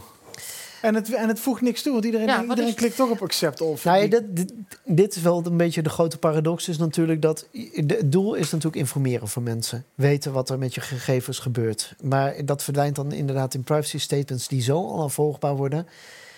Ja, want je kan dus letterlijk op onze cookie wall op geen stijl, en dat kan dus nu op heel veel websites, kun je dus de lijst met vendors aanklikken. En dan krijg je duizenden, letterlijk duizenden bedrijven die je gewoon handmatig allemaal aan of uit kan vinken. Nou, je hebt er nog nooit van gehoord, wij hebben er ook nooit iets mee te maken. Maar als ze bestaan, dan moeten ze in onze lijst staan. Is toch, Nobody gives a fuck. Niemand dat maakt het internet alleen maar minder Hey, weet prettig. je, de servicewaarde of de privacyvoorwaarden waar je dan op kan klikken en dat je zo'n bestand krijgt, dat gaat ook niemand lezen. Nee, je klikt er blindelings op. Ik denk, dat heeft het dan nut? Nou ja, ik ben zelf ook niet echt een groot fan van eh, op deze manier mensen inf- informeren. Ik denk dat het heel anders moet. Hoe dan? Nou, bijvoorbeeld veel meer met gewoon eh, categorieën van, van dingen die je doet met plaatjes bijvoorbeeld. Of een disclaimer waar je gewoon zelf op kan klikken? Of, eh, Nou ja, een disclaimer vind ik wel weer, want dan is het eh, teken alles nou maar weg en hou verder je mond. Eh, Dat doet de cookie wall ook. Ja, en, dat, dat- de, en dan de meeste mensen en ik ook best wel vaak klikken dan van, nou ja, accepteer alles. Ja. En dat, dat is onwenselijk. Wat ik wel maf vind bij dat gekke Facebook van die Zuckerberg. Dat ik continu... echt- Mooie overgang Ja, trouwens. nee, maar er wordt dan gevraagd, dan zegt hij, eh, ik heb dan mijn nu- telefoonnummer nooit ingevuld. Dan zegt hij, ja, eh, eh, vul je telefoonnummer in. Dan staat er elke keer als naar Facebook staat dat. Dan denk Ja. ik, jezus, je weet alles van me. Dan, moet, dan kun je toch, heb je toch echt wel ergens mijn Google nummer gevonden, weet je. Google that shit. Weet je, echt, nee, Ja, ja nou, ik doe bijna niks meer met Facebook. nee, maar wat wel? Twitter? Twitter nog veel. En verder eigenlijk valt het nu wel even mee. Ik ben ook best wel druk, moet ik heel eerlijk zeggen, de laatste drie maanden. Ja, ja, ja, je bent druk geweest, ja. Met die app natuurlijk. eh. Hey, eh, jouw claim to fame voor ons was ook wel een beetje translink. Dat zijn de gasten achter de overchipkaart. Want god, Ja. wat haten we dat ding. En het is ook heel gek. Weet je, als je in Londen bent, dan koop je voor 7,50 een Oysterkaart. Dan zet je geld op. En als je hem weer terug inlevert, dan krijg je die 7,50 met wat er op die kaart nog dan de penny weer terug. Dat krijgen we in Nederland niet voor elkaar. Weet je, als je, als je van, van Amsterdam Dat naar, niet naar, voor elkaar, naar of Maastricht gaat, dat moet je, niet? moet je via drie Ja. verschillende dingen. Maar ja, die, dat hele translink, eh, heb je nog wel eens contact met ze? Nou, Hebben ze jou laat- wel eens om advies gevraagd? nou, dat was wel grappig. Ehm, toen op een gegeven moment natuurlijk die hele affaire een beetje voorbij was en zo. Toen heb ik... eh, We hebben het nu over de, de, de hack van de OV-chipkaart. Ja. hè? Ja, de Ik- hack van, Ja, nou, jij hebt dingen. gehackt, hè? Ja, nou goed, er waren natuurlijk eerst wetenschappers die, er hadden, die het hadden gedaan. Toen verscheen er software. Toen werd er op een gegeven moment iemand veroordeeld. En op een gegeven moment ben ik gewoon gaan aantonen van... eh, ik kan dit zelf ook. En ik kan nog wel iets meer dan dat. Dat is wel leuk, hè? Ja, dat was dus toen ga wel- je lachen. Dan Nou, heb ik die oogjes Ja, dat was natuurlijk wel, dat was wel heel erg gaaf, ja. Dat, dat in die periode. Maar vooral dat ze dus geen fraudedetectie hadden. Dus dat ze niet door hadden dat dit een systeem is. ehm, wat een bankair systeem is. En daar, daar, dat er misbruik kan worden gemaakt, dat vind ik niet heel bijzonder. Kijk, Ja, ik geef Bart, praat verder, jongen. Ik, eh, ik, eh, nou, ik zie Bart opeens mijn wijn opdrinken. Dat, dat is helemaal goed. nee, je, je hebt nog een fles, jongen. Nou, komt Hij heeft hem ook betaald, hè? Dus, ehm, jongen betaalt alles hier. Maar ga lekker even met je verhaal verder. Maar Laat je niet dat, je dan, dat zij dus eigenlijk onvoldoende die fraudedetectie deden. En dat is voor een bank best raar. Ja. En eh, dat was eigenlijk in de, in de kern natuurlijk het grote verwijt. Daarna heb ik best wel veel contact gehad met Translink op een eh, wat normalere manier. En toen ook wel echt een aantal keer hebben we ook van waar gaan jullie naartoe? Wat zijn jullie van plan? En Dat vind ik zo grappig, hè? want eerst zien ze je als een soort vijand. Die lul die daar even van bij de, de deur komt binnen, open trappen en even Ja, ja, ja. kijken wat je allemaal verkeerd doet. En dan trekken ze toch wel bij. Dus ja, die kennis hebben we stiekem wel Nou, nodig. dat vind ik If dus wel het mooie join aan. de- nou, dat vind ik echt wel het mooie aan Nederland ook. Dat wij een, een land zijn waarbij je, eh, zeg maar, ook met de, bijvoorbeeld de overheid een enorme beef kan hebben. En dan gewoon een stuk een stukje verder in de tijd gewoon elkaar toch enorm kunt vinden. En Ja, vertel dat even tegen de toeslagouders van de Belastingdienst. Nou maar daar vind ik ook van dat je dat dus ook gewoon moet gaan fixen op een hele fatsoenlijke manier. We zijn gewoon een fatsoenlijk maar- land, hou op. Nee, ik, ik Ja helemaal maar, daar lijkt, ja, maar daar lijkt het dan dus niet te werken. Ik bedoel, met Translink heb je dan nog te maken met een soort semi-overheidsbedrijf... die een semi-staatsspoorwegbedrijf aan een Nou, semi-bankair volgens mij, systeem aan volgens mij hadden we het net over VWS en dat ik ze enorm het leven zuur heb gemaakt. En eh, dat ik eh, ze ook heb beschuldigd van, van alles. En dat we elkaar daarna vinden en eh, met elkaar verder gaan. Eh, dat vind ik echt wel. Ja, maar dat, ja, maar je, je, als je ik dat in ook- je Rusland geeft- had je geeft gedaan- ook aan, ja, tuurlijk. Ja, Nee, als je het zo uitzoomt, maar je, Ja. je geeft wel aan dat het komt natuurlijk omdat die Ron Roosendaal... Ja? dat daar dus... Je, je hebt, laten we zeggen, een beetje het geluk gehad... dat er op een sleutelpositie binnen dat ministerie een man zat... die gewoon zijn eigen Linux-server draait... en dus ook een beetje Maar weet er zijn dat meer- het meer is er dan zijn een meer organisaties- Is dat geluk?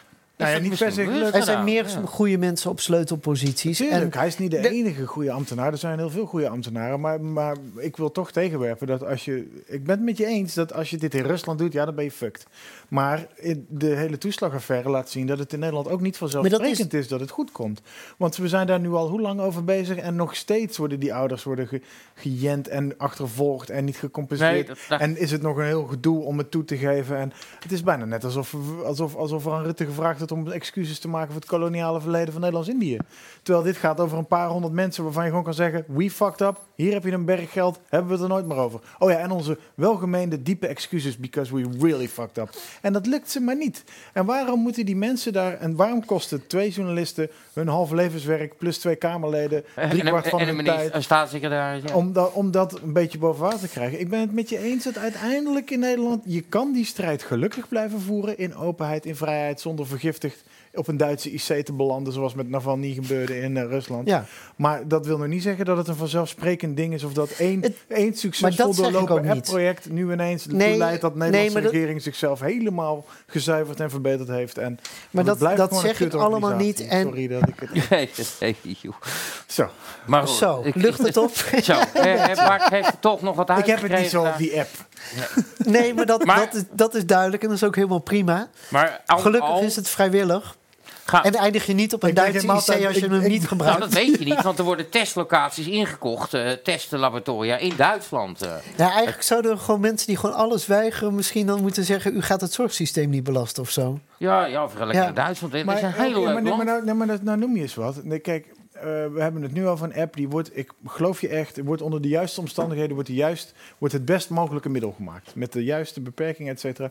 Maar dan komt er dus toch ook, um, gaat er een mail rond naar vakbonden, naar eh, maaltijdbezorgers. Van joh, zou je dat ding niet toch installeren? De volgende stap is, als je hem niet installeert, dan wordt Nee. er misschien zorgtoegang ontzet. Nee, dat is niet de volgende stap, want dat was een fout. Daar ben ik echt van overtuigd. ja, maar dat, een dat, fout kan nog steeds of niet een overtuigd. nee, Er zijn ook Nee. mensen die, die dat niet als fout zien, maar als feature. Maar oké, maar Bart, wanneer nee maar er zitten hier een heleboel mensen achter... die dan echt gewoon hun werk gewoon gaan neergooien en dat niet gaan doen. Het is vrijwillig. Ja, nee, weet ik. Maar eh, Bart, ik, want wanneer wordt het dan, eh, zeg maar, promotie ervoor maken? En wanneer wordt het te dwingend? Nou, Want je wil het wel onder de aandacht brengen. Nou ja, promotie maken is melden dat dat ding er is en uitleggen hoe dat die kan helpen. Nee, maar ik snap, ik snap aan de ene kant wat je zegt. Hè, het gaat vanuit een eh, mailadres van, eh, van, van het ministerie. Dus daar, daar zit een bepaalde druk achter. Mensen vinden dat raar. Maar ik snap ook weer dat je zegt... een Oké, nee, de- maar ik wil een vraag stellen aan je. sorry. De, eh, ik snap ook weer dat je de doelgroepen zoekt... die dus... de postbodes, de pakketbezorgd, de thuisbezorgd, Ja, bezorgd, zeker, omdat die daarvan Veel belang zijn. Waar zit dan... Ik snap wel dat je Ja, die mensen zoekt, ik- misschien op de verkeerde manier. Hoe moeten ze het dan doen? Ik zoom niet, ik probeer, ik probeer eigenlijk een andere. Dus, want ik zeg net dat ik in dit geval van deze app dat ik de procedure eigenlijk wel vertrouw, mede omdat jij erachter zit en jij je ermee bemoeit en ik eh, die Ron Roosendaal een beetje heb zitten volgen en die lijkt mij inderdaad ook aan de goede kant van deze discussie te staan.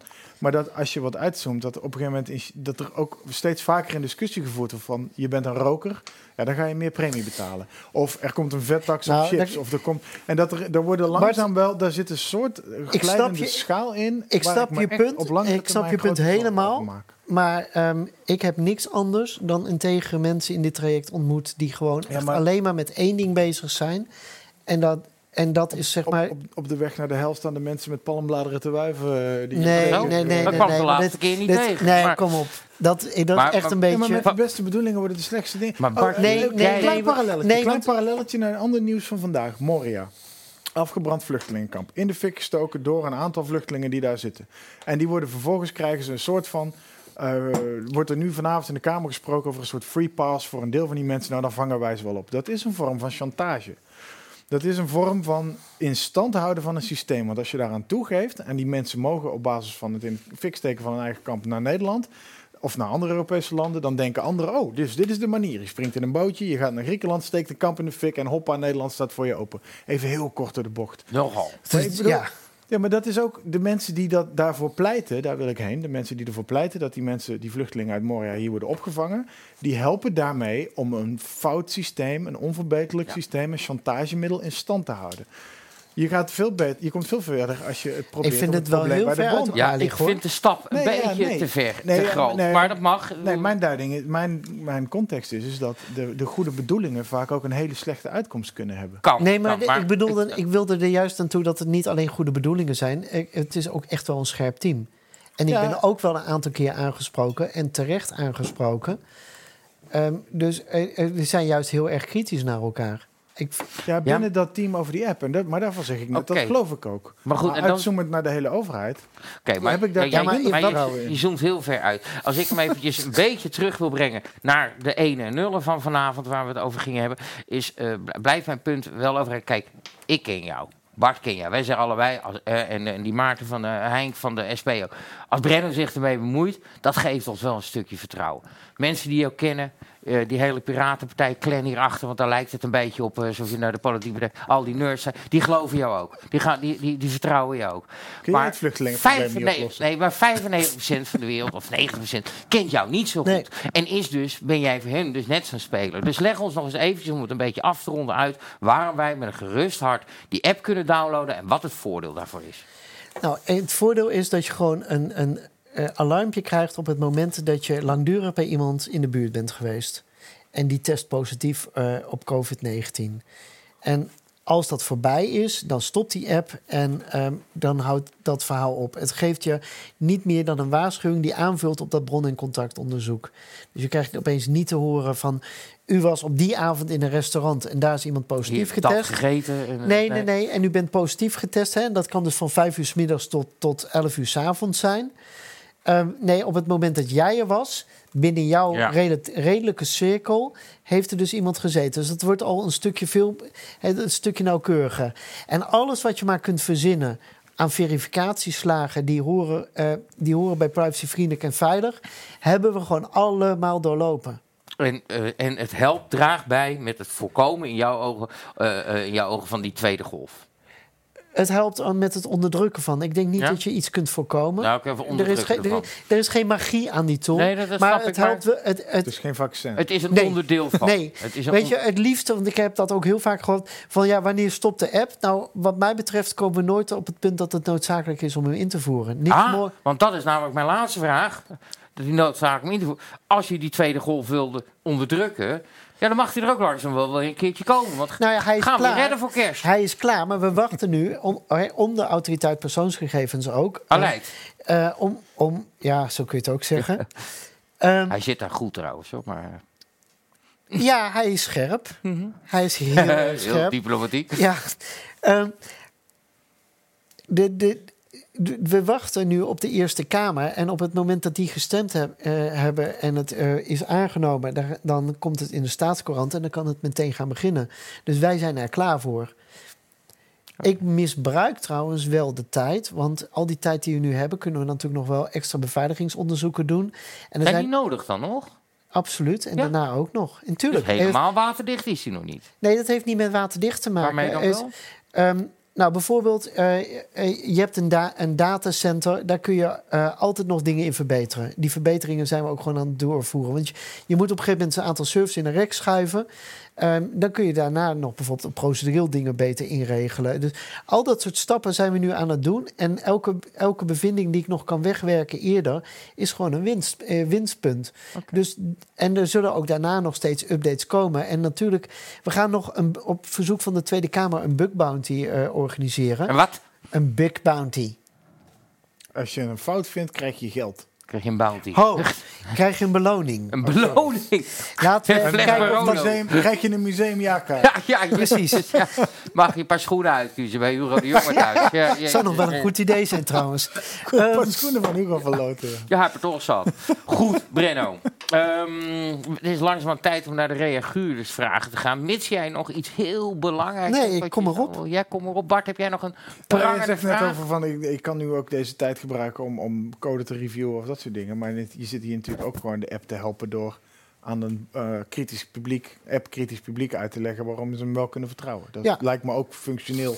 Eigenlijk maar- ook een soort functionele taak. En eh, het enige, ik geloof niet in te zeggen dat alles perfect is. En ehm, het, het simpele verhaal is gewoon: er is een app gemaakt die is van goede kwaliteit. En nu moeten er nog stappen gebeuren.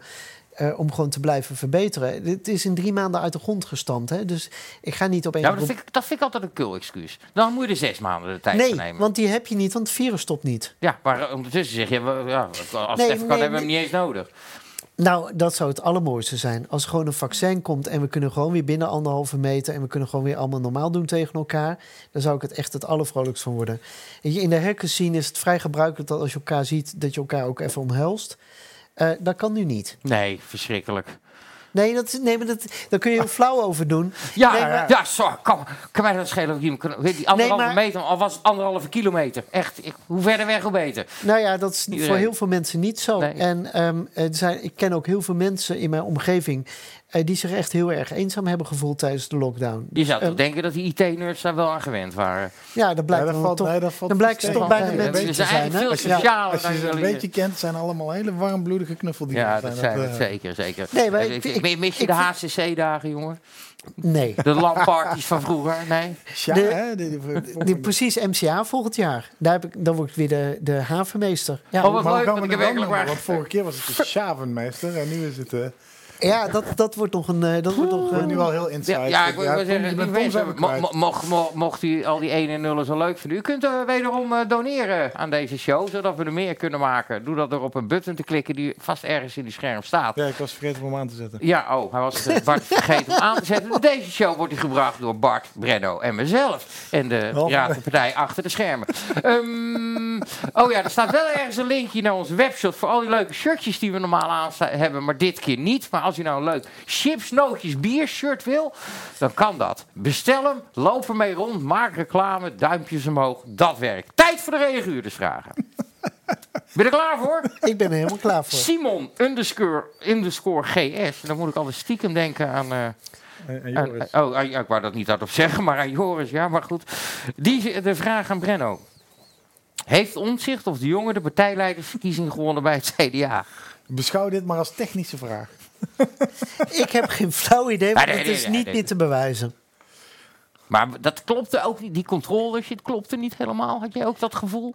Nou, ik, ik- ik- je kunt dit alleen onderzoeken als je forensisch onderzoek doet. En het grote probleem bij eh, digitaal stemmen is... ehm, het moet eh, anoniem zijn of eh, hè, je mag niet weten wie de stem heeft uitgebracht. Het moet kloppen. Dat moet ook aantoonbaar kloppen. Hè, dus je hebt het stemgeheim, het moet kloppen. Eh, en dan moet het ook nog tijdens de, eh, de, de verkiezingen zelf vol continu beschikbaar zijn, want anders heb je er niks aan. En die drie, die, die drie dingen staan alle drie op hoog. En dat is technisch bijna onmogelijk om dat te regelen. Dus het is nagenoeg nee. onmogelijk om dit veilig te doen.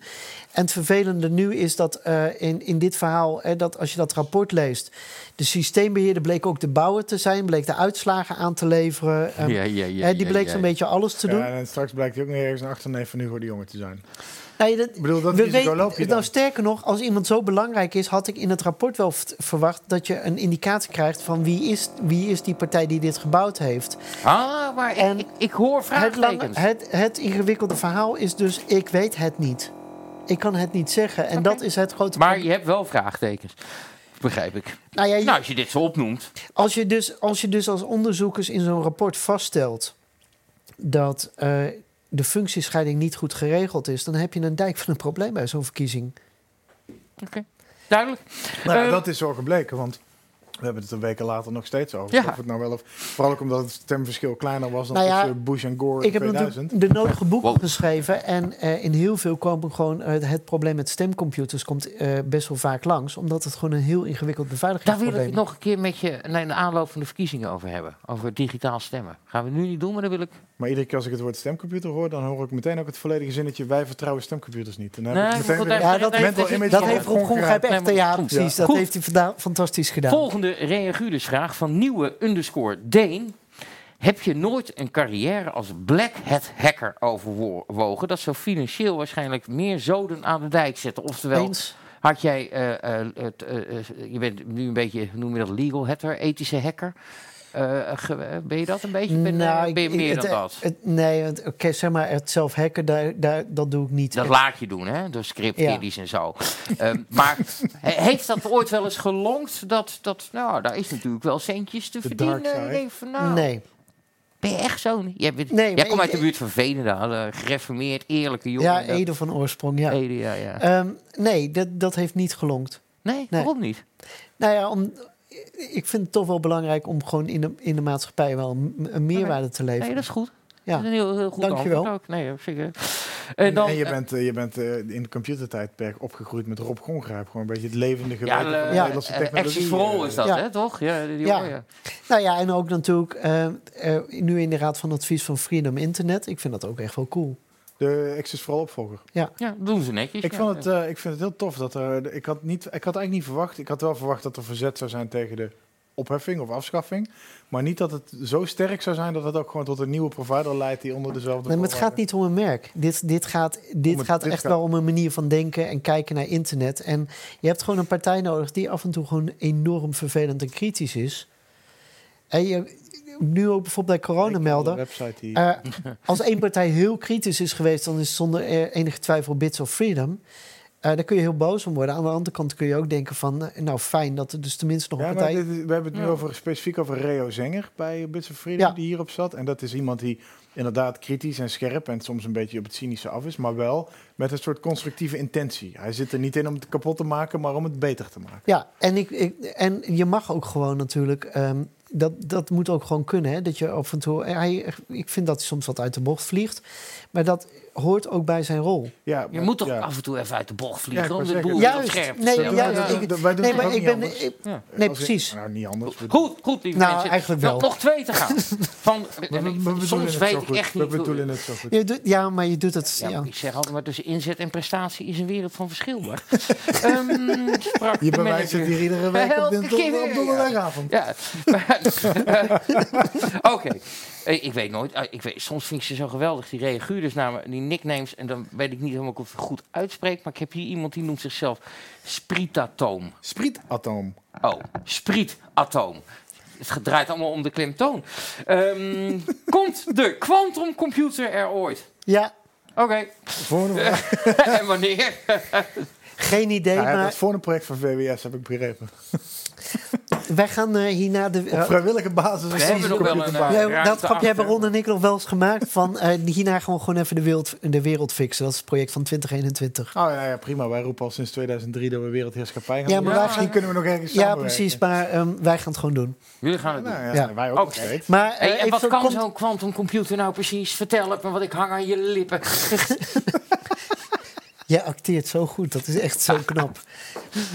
hey, eh, ja, Nee, ja. quantumcomputer, lang verhaal kort, is... ehm, eh, dat zou wel echt een heftig ding worden, want dan zou je bijvoorbeeld cryptografie heel snel kunnen kraken. Dus alles wat we nu hebben en nu kennen, zou dan opeens gewoon een flink stuk onveiliger Twee, zijn. twee-factor authenticatie is dan gewoon in één keer door de play. Zeg maar. Dat, eh, Oh, ja, ja dat wordt, dan, dan heb jij wel genoeg werk. Dan wordt het heel interessant. Ja. Dan wordt het, dan wordt het Als het al jongen. niet is, hè? want we weten natuurlijk niet wat sommige landen als in- eh, met de inlichtingen die ze al hebben gecreëerd. Hè? Als jij, nou, ik bedoel dat niet als hoe, maar het, eh, kijk, dit gaat gewoon komen. En je kunt dan een aantal berekeningen eh, heel voor sneller uitvoeren. Ik- Dus als je nu een lang ik, wachtwoord zou, hebt... ik zou eerder vrezen voor, voor artificial intelligence, die dan te snel, te slim wordt, zonder dat we daar goede boundaries omheen zetten. Nou, dat zou ook nog wel een ding kunnen zijn, ja. Nou, dat, dat Aan de, aan de andere worden, kant zou het wel heel cool zijn, want je kunt daar ook hele toffe dingen mee doen. Zoals. Ja. Eén Nou, leuk tof maar ik ding heb genoeg science fiction films gezien om te weten dat het zo niet Nou ja, ik, Kan, krijg ik uiteindelijk twee naakte wijven in een hologram bij me thuis. Zodat ik een soort porn, lesbische porn zit te kijken. en denk, dit is een trio waar ik niet aan mee mag doen. en jij bent niet de jongen die gewoon de bar instapt en gewoon zegt van... Oh Ik nee, zou wat- het ook je bent, dat je zou ik bent de barman hier, man. Ja, hier. Maar er komen hier bijna alleen maar mannen. Bijna alleen maar. Ja, we hadden Vorige Fidan, week maar die had een fuck. Billy. Ja, Jenny. Maar bij Jenny word ik altijd zenuwachtig. Die is te leuk. Ja, die is wel mooi, hè? Ja, nee, dan moet je het met AI hebben, dan is het niet anders. Maar dat, dat Eh, regelt die quantumcomputer? Dat zou, dat zou eh, wel tot de mogelijkheden kunnen behoren, maar wat, waar ik meer aan zit te denken is eerder een. Hornbach-machine hebben. Nee, maar zelf, zelfrijdende auto's en zo. Het interpreteren van... eh, daar Volgens zou dat- Black Mirror komt die er niet. Ja, Black Mirror. Ja, goede serie. Goed, Absoluut. aller, aller, allerlaatste vraag voor vanavond, vanavond van Maximum, maximum Anonymity. Kun je dit uitspreken, Bart? Maximum Awesomenimity. Ja, ik weet niet of het Ja, echt een woord is. Maar goed, Brenno, kom maar. In welk kamp zat jij in je schooltijd? Hoe oud ben je? Ik ben 48. 48. Commodore of Atari? Commodore. Ja? En nam je dan die bandjes op, s'nachts van de piraten? Nou, dan moet ik het nog veel erger maken. Ik had een, een, een, een P2000T, een Philips computer. Maak me gek. en mijn zusje had een Commodore. Ja? Die had een Commodore 64. Mhm. Dus ik moest elke keer haar smeken of ik toch niet achter haar computer mocht. Om dat zakjes werkte te met spelen. Zij had het beter door dan ik. Ja, en dan speelde je Conan de, de Barbarian. Maar s'nachts op een piratenzender werden die piepjes uitgezonden. Die kon je gewoon Ja. opnemen. het was niet eens piratenzender, het was gewoon Radio Ja? 1. Oh. Jezus, toen was het nog wat. Maar goed, goede, her- goede herinneringen. De, Wat zou Radio aan 1 de ervan opknappen 8-bit als er alleen maar ja. piepjes uit Ja, dat ze hebben zelfs het hele Wilhelmus gekild om 12 uur s'nachts. Daar keek ik altijd naar uit. Nou, nou goede herinneringen dus aan de 8-bit dates, de 8-bit dates. Was dat Ja. leuker dan nu? Nee, ik vind het nu ook wel heel erg cool. En ik, ik- ik ben heel erg enthousiast nu over bezig met Python. En dat, heb ik, dat is een programmeertaal. Waar onze site in gebouwd is Oh, ja, Waar- weet ik veel. Ik maak de Oh, in Django? Bart. Ik, eh, In Django. Dan moet je aan de, aan de computer... Ah, Flash. Flash. Flash. Heel Wat? erg mooi. Nee, mooi weer vandaag. Eh, doet er niet toe. Ehm, dat, dat vind ik gewoon echt heel erg cool. En dat is een Nederlander die dat heeft ontwikkeld, Guido van Rossum. Ja, familie. jij wint vanavond met de slechte grappen. Het is de wijn, denk ik. Ja, ik denk het ook, ja. nou, die is best goed. Ja, die, nee, die, Hij die wijn bevalt is niet-. Ik zat eerst te denken om nog Norton antiviruswijn te halen. Je hebt een Norton wijn, maar goed. Maak je. Goedeman, luister even. De... Maar, dat is- Ja. maar hij wil dus nooit wijn onder de 20 euro serveren. Nee, dus geen dat- Nou, daar ben ik hem zeer dankbaar voor. Maar, ehm eh, jeetje, Brenno, eh, we hebben al, eh, de tijd zit er langzaamaan weer op. Ehm, er zijn best wel veel dingen die ik aan je wil vragen, maar heel veel dingen begrijp ik ook niet. Want ik wil, ik wil wel mijn lot in, in jouw handen kunnen leggen. En denk, nou, dan komt het wel goed. Dan, als als Ja. Zich erbij bemoeit, dan maak ik me geen zorgen. Ja, tot, tot op zekere hoogte. Ik was Ja? net met dat Python en dan uiteindelijk ben je dan bezig. En dan uren zit je naar een fout te kijken en je komt er niet uit. En dan komt mijn stiefzoon langs en die zegt binnen 20 seconden... ja, dit gaat nooit werken. En dat is echt... Dus ehm, dan ben ik opeens ook de Ik heb dat ongeletterde. ja? Dan, ja? Ja. er zijn mensen met meer kennis en nieuwe kennis. Uiteindelijk, tuurlijk. Ja. Ja. en dat hoort er ook bij. Heb je nog een goede IT-nerd grap? Mop? Ik ben geen goede komiek, denk ik. Nee, nee. Mijn al- overgrootvader was dat wel, Abraham de Winter, maar ik, nee. Maar ja, toen waren er nog geen computers, dus ik... Nee, nee, Nee. Dat, dat, dat denk ik niet. Dat, ja. Heb je het gevoel, beste Brenno, dat je alles hebt kunnen zeggen? Ik ben niet geremd door jullie. Nee. Nee. Heb jij nog een prangende vraag? Een nee is ook een antwoord, Bart. In dat geval niet, eh, Tom. Dan gaan we langzaam naar het einde van de show. Dan hebben we altijd een shirt voor je. En dit keer is dat natuurlijk verkrijgbaar in de webshop. En als u op de, de juiste code gebruikt, dan krijgt u geen korting. Ehm, witte man. In Excel-vorm. Is dat te groot of niet? Anders moet je gebruiken om in te slapen. Hij wordt eh, om in te slapen. Hij is voor jou, alsjeblieft. nog zo'n lekkere Barolo uit eh, 2016. Nou, als Barbara terug is van vakantie, dan ga ik die heerlijk weg? nemen. En ik ken ja, Barbara verder niet, maar nee, maar zij, ja, we hadden iets van zomervakantie, maar ik moest weer terug. Iets met een coronamelder. ja, daar moet ook gewerkt worden, alsjeblieft. Hey, Dankjewel. Dankjewel dat je er was. Ja. Fijn dat je wat dingen hebt kunnen uitleggen. Je hebt me iets wat vertrouwen gegeven voor die coronacap. Ik ga hem downloaden. Ik weet niet tot welk level ik ga komen. Geen idee.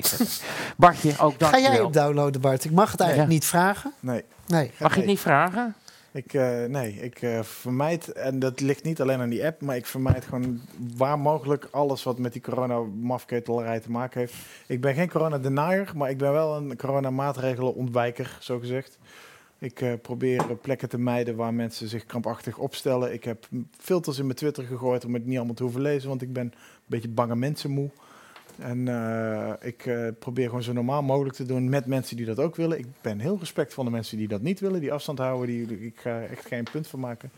Maar nee, ik, eh, voor mij bestaat het niet. Nou. Zo gezegd. Helemaal. Plat Ik zou willen dat je gelijk. Ja, nee, ja. Ja. ik weet dat het wel bestaat, maar ik. eh, Ik ga inmiddels een beetje afronden, lieve mensen. Kunnen de dames en heren hier nog over 1 en 0 verder lullen? Want de tijd zit erop. De wijn is bijna op. Die gaan ze opdrinken. En volgende week om 9 uur is onze kroeg weer geopend. Chips, nootjes, bierkroeg. En ik kijk hier zo ontzettend naar uit. Omdat we werkelijk geen idee hebben wat er gaat gebeuren. Eh. Want we hebben...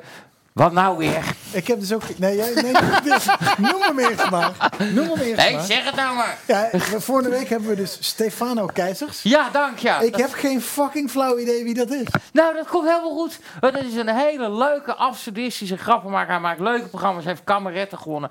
Eh, hij, hij, hij kan jou tips geven, Bart, voor autofellatio.